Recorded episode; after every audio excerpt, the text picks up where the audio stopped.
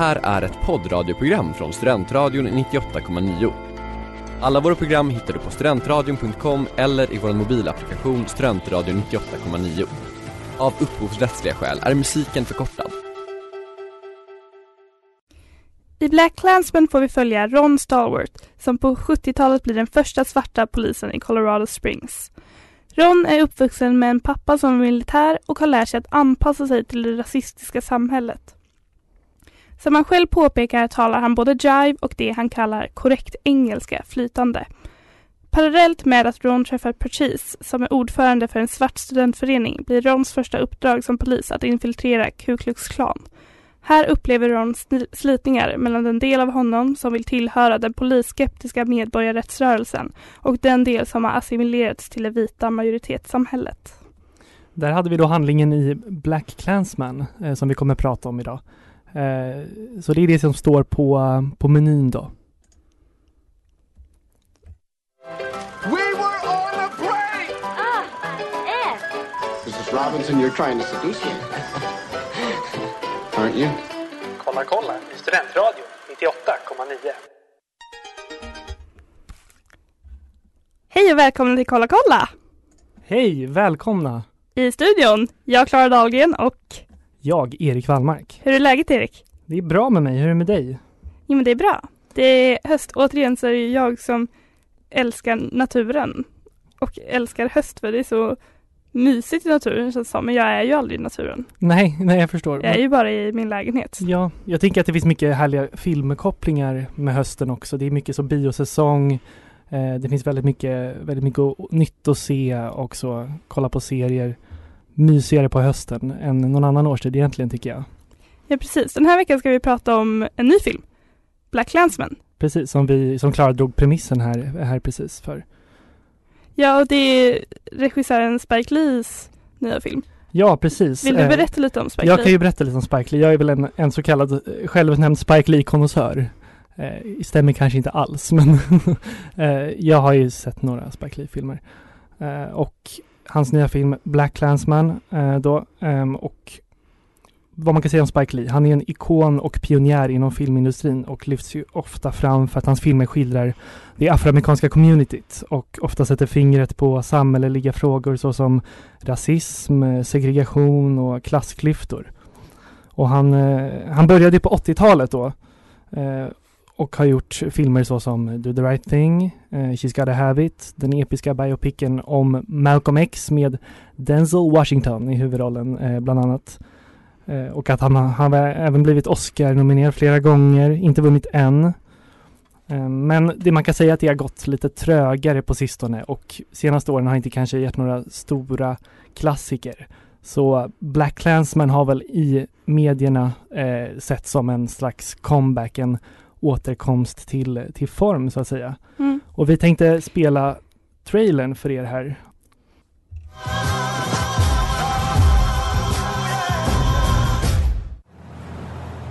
There's never been a black cop in this city.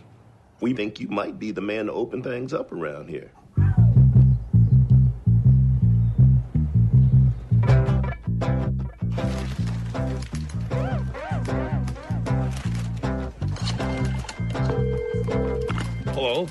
This is Ron Stallworth calling. Who am I speaking with? This is David Duke. Grand Wizard of the Ku Klux Klan. That David Duke? God, last time I checked. What can I do you for? Well, since you asked, I hate blacks. I hate Jews, Mexicans, and Irish, Italians, and Chinese. But my mouth to God's ears, I really hate those black rats. And anyone else, really, that doesn't have pure white Aryan blood running through their veins. I'm happy to be talking to a true white American. God bless white America. The KKK is planning an attack. How do you propose to make this investigation? We'll establish contact over the phone. We'll need a white officer to play me when they meet face to face. You for the white race, Ron? Oh, hell yeah. So there becomes a combined Ron Stallworth Can you do that? with the right white man. We can do anything.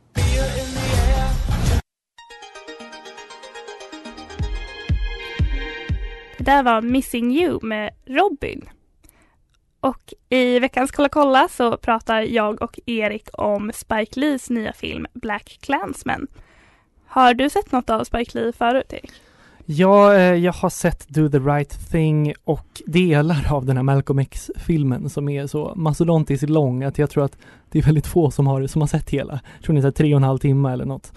Eh, har du sett något av Spike Lee? Jag har bara sett den här remaken av She's Gotta Have It som finns på. Netflix. I serieform va? Exakt. Mm. Ehm, och den var, jag tyckte den var bra. På vissa sätt var det lite konstigt. Han har ett speciellt grepp. Eh, till exempel så är det att han spelar låtar och då när han spelat låten så kommer albumomslaget upp Jaha. i rutan. Och han använder sig av ett liknande grepp nu i Black Clansman när han pratade om, när karaktärerna pratade om olika filmer och serier. Så det var. Då Just såg det. man eh, någon slags affisch eller något dyka upp. Precis, jag tror att de, de nämnde så specifika, det är en subgenre, black exploitation filmer som var väldigt populära då när filmen utspelar sig eh, på 70-talet. Eh, vi kan prata lite, vi lyssnade på trailern förut om, om eh, själva liksom settingen för filmen. Det är, som, det är 70-talet. Ja, det är 70-talet, det Mm. är i Colorado Springs. Det är ju, man märker att det är ganska, det är ju mycket som pågår under den här tiden. Det var ju en väldigt politisk tid. Dels hade vi Vietnamkriget, eh, det var en väldigt så här kvinnorörelse, medborgarrättsrörelsen och sen också förstår vi då att just vid den här tiden så håller ju på, eller håller Ku Klux Klan på att eh, bli lite större. Ja, precis. Jag tänker att det är som någon motreaktion på den här medborgarrättsrörelsen. Ja, och hela den här Black Power som skildras i filmen. Va? Den här liksom Black Power-rörelsen. är liksom, Exakt, det är ju en del av medborgarrättsrörelsen exakt. kan man ju säga. Eh, men och det var det också som gjorde filmen så intressant på något sätt att man, man ser att de nästan Alltså att man, de jämför de här två olika sammanhangen. Det är ganska mycket att de ställs bredvid varandra. Att vi kanske är på ett så Ku Klux Klan möte och vi ser alla de här vita männen som står och skriker white power. Och sen så klipper det till att vi ser alla de här eh, svarta studenterna som står och skriker black power. Precis. Och att de, de jämför dem på så sätt. De, det är en väldigt snygg så här korsklippning som jag tänkte på i många, i många scener i filmen där, där man får se liksom båda de här extrema, inte extrema kanske, men så här, de båda perspektiven som liksom skildras i så, men som du säger, att man får se lite av varje och att det, det klipps emellan. Mm. Och det är också lite så att man att inom den här typen av rörelser att man använder sig kanske lite av jag vill inte säga samma grepp. För jag menar eh, de här, den här studentföreningen, det är ju inte som att de bränner Nej, kors precis. Det eller var därför någonting. jag inte ville Men, liksom men att de till exempel de kallar varandra broder inom Ku Klux Klan. Mm, Även inom den här studentföreningen så säger de brother, sister just till varandra. Och jag, alltså, jag vill absolut inte likställa de här rörelserna med varandra för det handlar om två helt olika saker. Men det är spännande att se hur det inom en rörelse fungerar och hur man skapar eh, grupptillhörighet och gemenskap. Ja, verkligen. Det var något, något jag tyckte var, var också väldigt intressant faktiskt. Men vad tyckte du om filmen liksom, över, överlag? Alltså jag tyckte, jag tyckte väldigt mycket om ehm, det mesta egentligen. Alltså eh, soundtracket och skådespelarinsatserna och alltså att den var så hand, alltså plottdriven, handlingsdriven Mm. eh, tyckte jag var liksom eh, men super super eh, ett bra liksom, alltså Spike Lees filmer tycker jag ofta kan handla mer om kanske karaktärerna istället för eh, alltså att det handlar om, eh, om liksom själva handlingen. Ja, jag tänker vi kommer prata mer om karaktärerna och skådespelarna alldeles strax.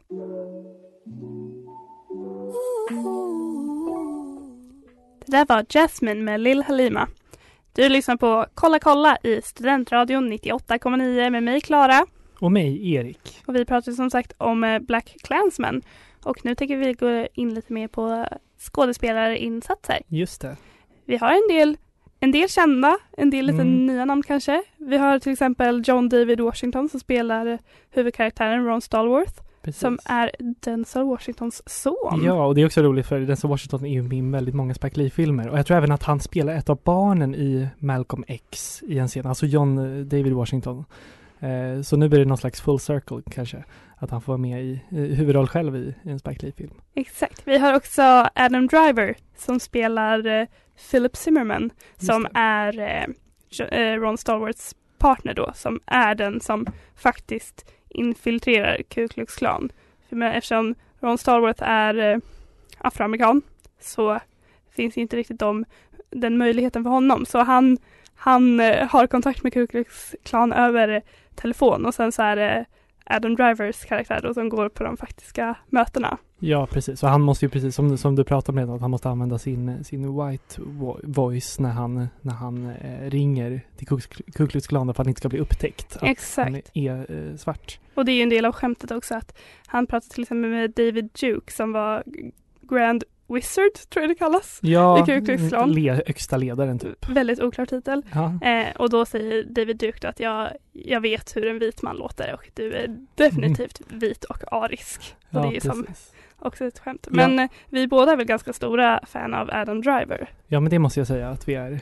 Jag har ju Mm. sett honom i Girls. Ja, men jag med. Det är väl där han fick sitt stora skådespelarbreak Mm. för, några, för några år sedan. Men jag vet ju att han har varit med i någon Star Wars-film, Ja. Ja, det kanske, det kanske är det som är hans stora break. Han spelar väl den här äh, ondingen i de nya Star Wars-filmerna tror jag. Det kanske, jag kan inte min, jag kan Nej. inte med Star Wars men jag vet att han har väldigt hög midjadebyxor. Ja, det var någon meme om det, att han, just det, att han tog av sig tröjan och att han, att han, han hade väl ett byxor som gick upp till typ naveln eller vad det var. Exakt. Ja. Nej men alltså, det som många brukar lyfta fram med Adam Driver är väl att han är väldigt, väldigt snygg på ett ganska så spännande. Eller han, han är inte så traditionellt snygg. Nej, han är Eller kanske inte så normsnygg men han har något. Det är också Ja. att han är så, han är så stor. Och så har han som lite roligt kroppsspråk, han är som en stor eh, klumpeduns. Ja, verkligen. Och då, jag tyckte i den här filmen att han hade det är en leverans, eller det han är nästan i allt han gör, när han i hans dialog, att han, det är väldigt så här, han har en väldigt unik leverans i sina, i sina, eh, sina lines. Sina liksom. repliker. Ja, Ja, så han har heter det, också- inte lines. Nej, han har också på sig flanellskjorta väldigt ofta. Det är ju en bra aura Verkligen. som han har. Han är väldigt så flanellskjorte-kompatibel Ja. person. Ja, men det håller jag verkligen med om. Eller kan du liksom se Adam Driver framför dig i, jag vet inte, frack? Nej, jag har väldigt svårt att se honom, men i, i något som inte är så rutigt. Eh, kanske att han kan se honom i en t-shirt, men flanellskjorta känns Ah. spot on faktiskt. Också en eh, god jeansbyxa. Ja, verkligen. Vi pratar mer om karaktärerna i Black Clansman alldeles strax.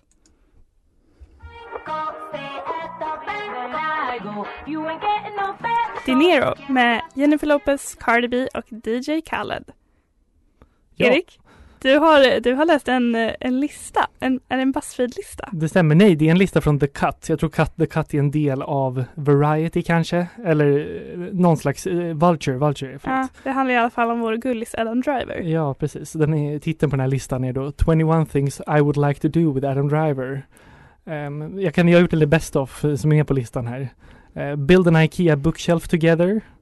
Have him rock me in his gigantic arms like I'm a tiny sexy baby. Ride him like he's a large horse in a non-sexual way. Och sen så har vi också eh, den här, eh, Naked Trust Falls. Ja. Transcribe the entirety of War and Peace on his left peck and have room to spare.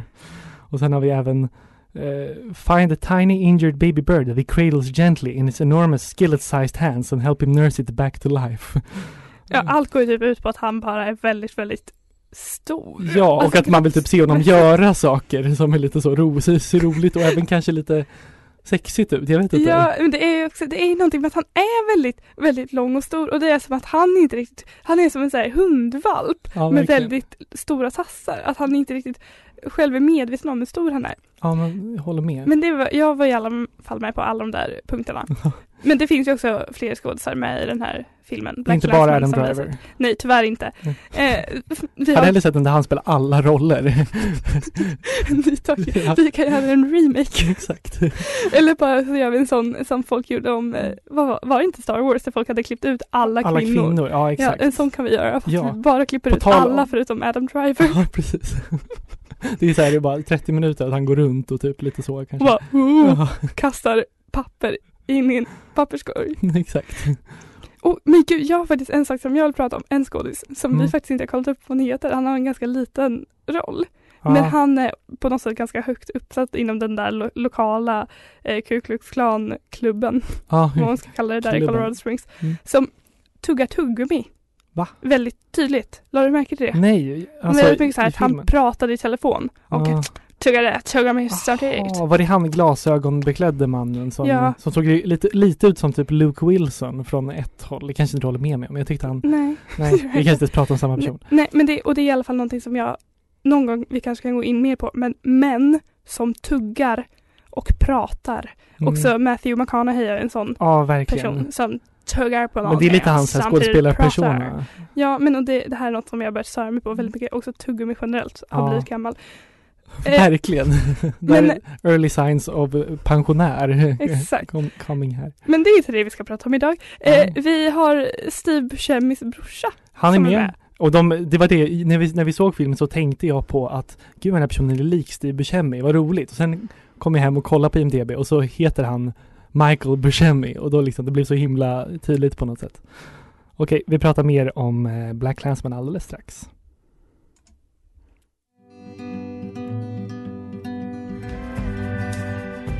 Tender Offerings med First Aid Kit. Deras nya singel. Ja, exakt. Den är mysig. Den är jättemysig. Faktiskt. Vi pratar om eh, Black Clansman. Mm. Okej, jag undrar vilken som var din eh, favoritscen i filmen? Eh, jag har en, en speciell favoritscen som jag tänkte att jag ville prata lite om. Alltså vi pratat lite om kom- korsklippningar redan, hur det liksom är ganska så framträdande i filmen.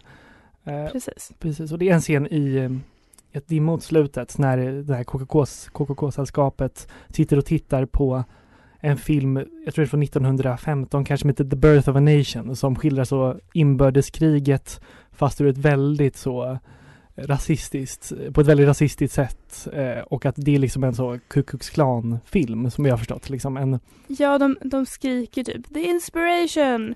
Jag tror att det var den filmen som fick, den, alltså fick dem att, att ta på sig sådana huvor Just och det, eh, ja exakt. de här vita huvorna och kapporna med bara hål för ö- ögonen. Ja, öronen. För öronen. Ja men för det är någon scen där man då i den här filmen där man ser så vita riddare som Precis. räddar folket från alla, alla hemska svarta människor. Ungefär den stämningen är det. Exakt. Eh, och i alla fall de kortslipper mellan det och den här sångaren Harry Belafonte. Han är jättegammal men han, han var ju med där och pratade inför eh, inför studenterna i den här eh, Black Power-föreningen.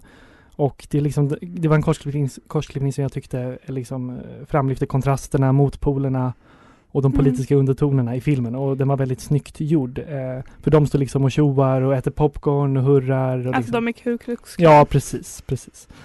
Eh, exakt. Ehm, Ja, Det är ju och- väldigt, man förstår ju dem att, att det går att skildra historien på helt olika sätt. För då, precis. vad heter han, Belafonte Mm, pratar ju då om en vän som blir, eh, som han har, som blir eh, lynchad. För att han anklagas för att ha våldtagit en, en vit kvinna. Och att han då blir bränd och misshandlad och torterad. Och sen så ser vi då, eh, och ja det är ju väl en väldigt rörande scen. Rörande och upprörande. Och sen så på andra sidan så ser vi Ku Klux Klan som står och liksom beter sig rövigt. blir jätteglada när de här vita riddarna då släpar en svart man Mm, efter sig, liksom rep efter deras hästar. Ja, precis. Och det var, det var väldigt mycket så i, i eh, Black Clansman, referenser till andra filmer. Men bland annat så inleds hela filmen med ett klipp från eh, Bortom vinden. När man får se Scarlett O'Hara passera igenom de här eh, skadade, skadade soldaterna efter slaget vid Atlanta tror jag. Och så ropar hon efter The Doctor. Just det, just det, exakt. Jag har verkligen inte sett borta. Nej, jag, jag tror jag har sett den när jag var liten. Jag kommer ihåg den scenen. För, ja, men det är också att de, man får se en syd sydstatsflagga när det panorerar ut. Och det var väl det som Spike Lee ville liksom stryka under där. Ja. Och sen, ja men som jag sa, med Black exploitation är också väldigt, liksom, det är väldigt ehm, eh, framträdande. Alltså hans referens till det och att ehm, liksom hela stämningen i filmen på något sätt tycker jag.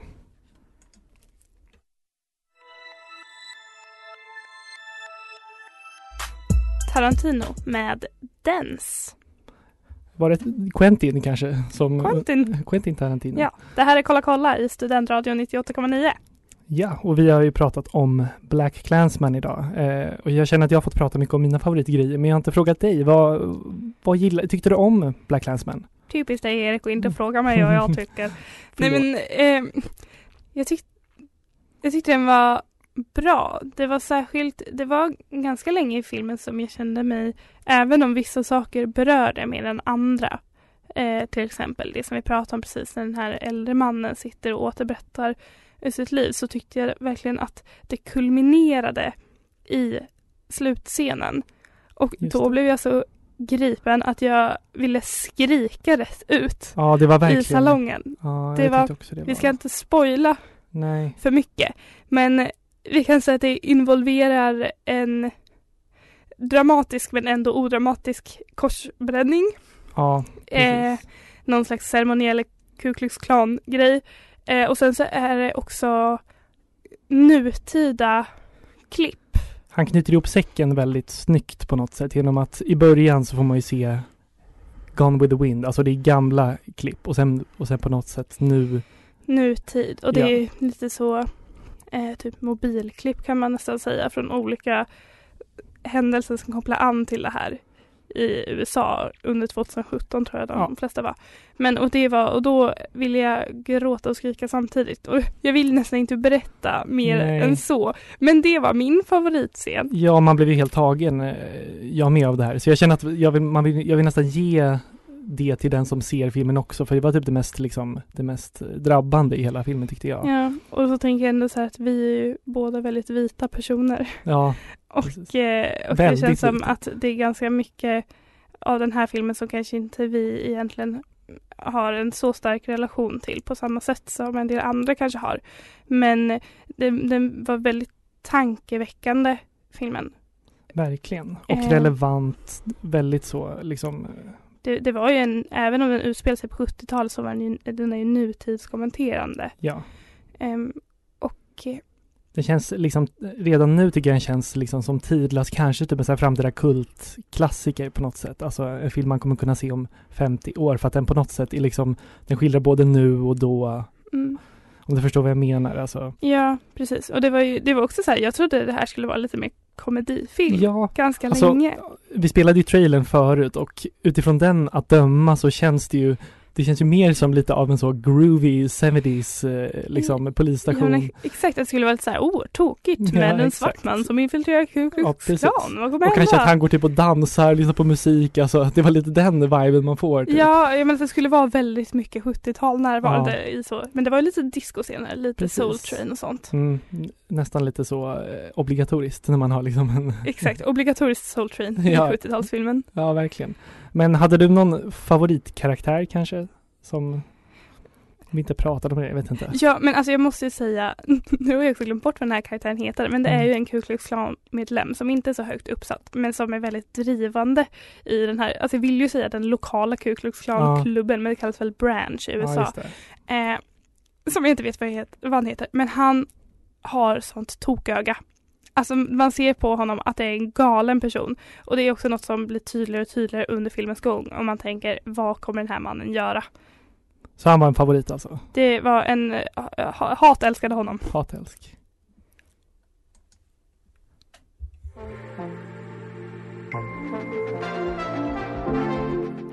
Location Unknown med Honey och Georgia.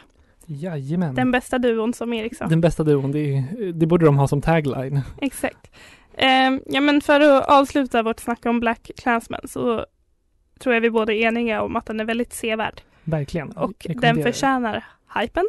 Ja men det tycker, tycker jag. Jag, jag. Jag blev nästan liksom överväldigad av hur bra den faktiskt var. För det känns som det, man är aldrig säker liksom. Med vad folk säger och vad man läser och så. Men jag blev, det var väldigt bra. Gå och se den om ni Ja. har möjlighet. Nu tänkte jag prata lite om en, en hjärtefråga för att göra ett brott här. Vilket är Emmysgalan som ägde rum i måndags. Oj oj oj. Ja, den 70 juni. Hjärtefråga? Hjärtefråga. Det Är det en fråga? vet inte. Hjärteämne kanske. Eh, Men i alla fall, det är ju TV-galan om man jämför då med Oscarsgalan och med Golden Globe-galan så är det bara TV-priser. Amerikansk Amerikansk, gala. exakt. Så Och det den, är amerikansk tv. Precis, och den har ju tyvärr inte det som Golden Globe har i att man i att kändisarna får dricka och de får inte sitta och gotta sig under eh, i ceremonin. Det är lite mer eh, Det är lite mer formellt. Ja, lite mer formellt, lite så, eh, alltså kanske frack, smoking, lite den stämningen. Smoking! Smoking! Ja men det är så att folk eh, sitter och eh, applåderar samlat Ja, kanske. precis. Ehm, och förra året tänkte jag berätta, vad hände då? Minns du något som hände förra året? Oj, nej. Jag tror inte det. Nej, Nej. Eh, det var något, en grej som vi pratade om då, kommer jag, eh, kommer jag ihåg i alla fall. Vilket Okej. var Alexander Skarsgård och Nicole Kidmans lite Ja. semi-intima kyss. Ja, just det. Just det. Ja. Att, de, att folk var så här, det där var en alldeles för lång kyss. Exakt, och så Kommer stod hon göra slut med sin man? Precis, han stod och kollade på där och det var lite så. Ja. Mm. Eh, Och så var det lite, ja, men Lina Waithe som du känner kanske igen från Master of None där hon spelade Denise. Hon vann som första svarta kvinna eh, Comedy Writing eh. Eh, förra året, för den här Thanksgiving avsnittet som hon skrev Ah. själv. ja, det var hon som hade varit med och skrivit Ja, det. precis. Från Master of None alltså. Exakt. Det är ett väldigt bra avsnitt. Ja, verkligen. Och en serie som vi kan, vi kanske får prata ett helt avsnitt om den, för det är en, en helt otrolig serie, tycker jag. Även eh, omtalad nu eftersom Aziz Ansari var med i Han har varit med, han har varit i blåsväder. metoo-härvan. Ja, exakt. Eh, I alla fall, i måndags så ägde den 70 Emmy-skalan i ordningen rum och galans stora vinnare blev den här uh, Marvelous Mr. Mrs. Maisel som är eh, Gilmore Girls-skaparen Amy Sherman Palladino serie. Den, nya, den utspelar sig typ på 50-talet. Jag tror det, det är en sån kvinnlig ståuppkomiker i New York som är väldigt banbrytande och, och typ eh, jag, tror, jag tror att den, den ska vara väldigt bra men jag, jag har inte sett någonting. Också bara en fråga, heter det Emmy-galan eller Jag, Emmys-galan? jag, vet, jag blandar lite tror jag. Ja, men märkte. de säger The Emmys i USA så jag tänker eh, att det eventuellt är det. Jag tror att det är Emmy-galan. Ja, okej. Om Det, jag ska det vara kanske sån. är det. Okej, ehm, vi kommer prata lite mer om eh, Emmy-skalan om ett tag.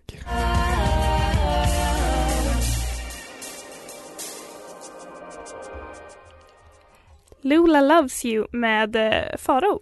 Eller. Pharaoh. Pharaoh som jag tror jag kallade dem förra gången. Ingen aning om de heter Pharaoh, men eh, Ingen vet.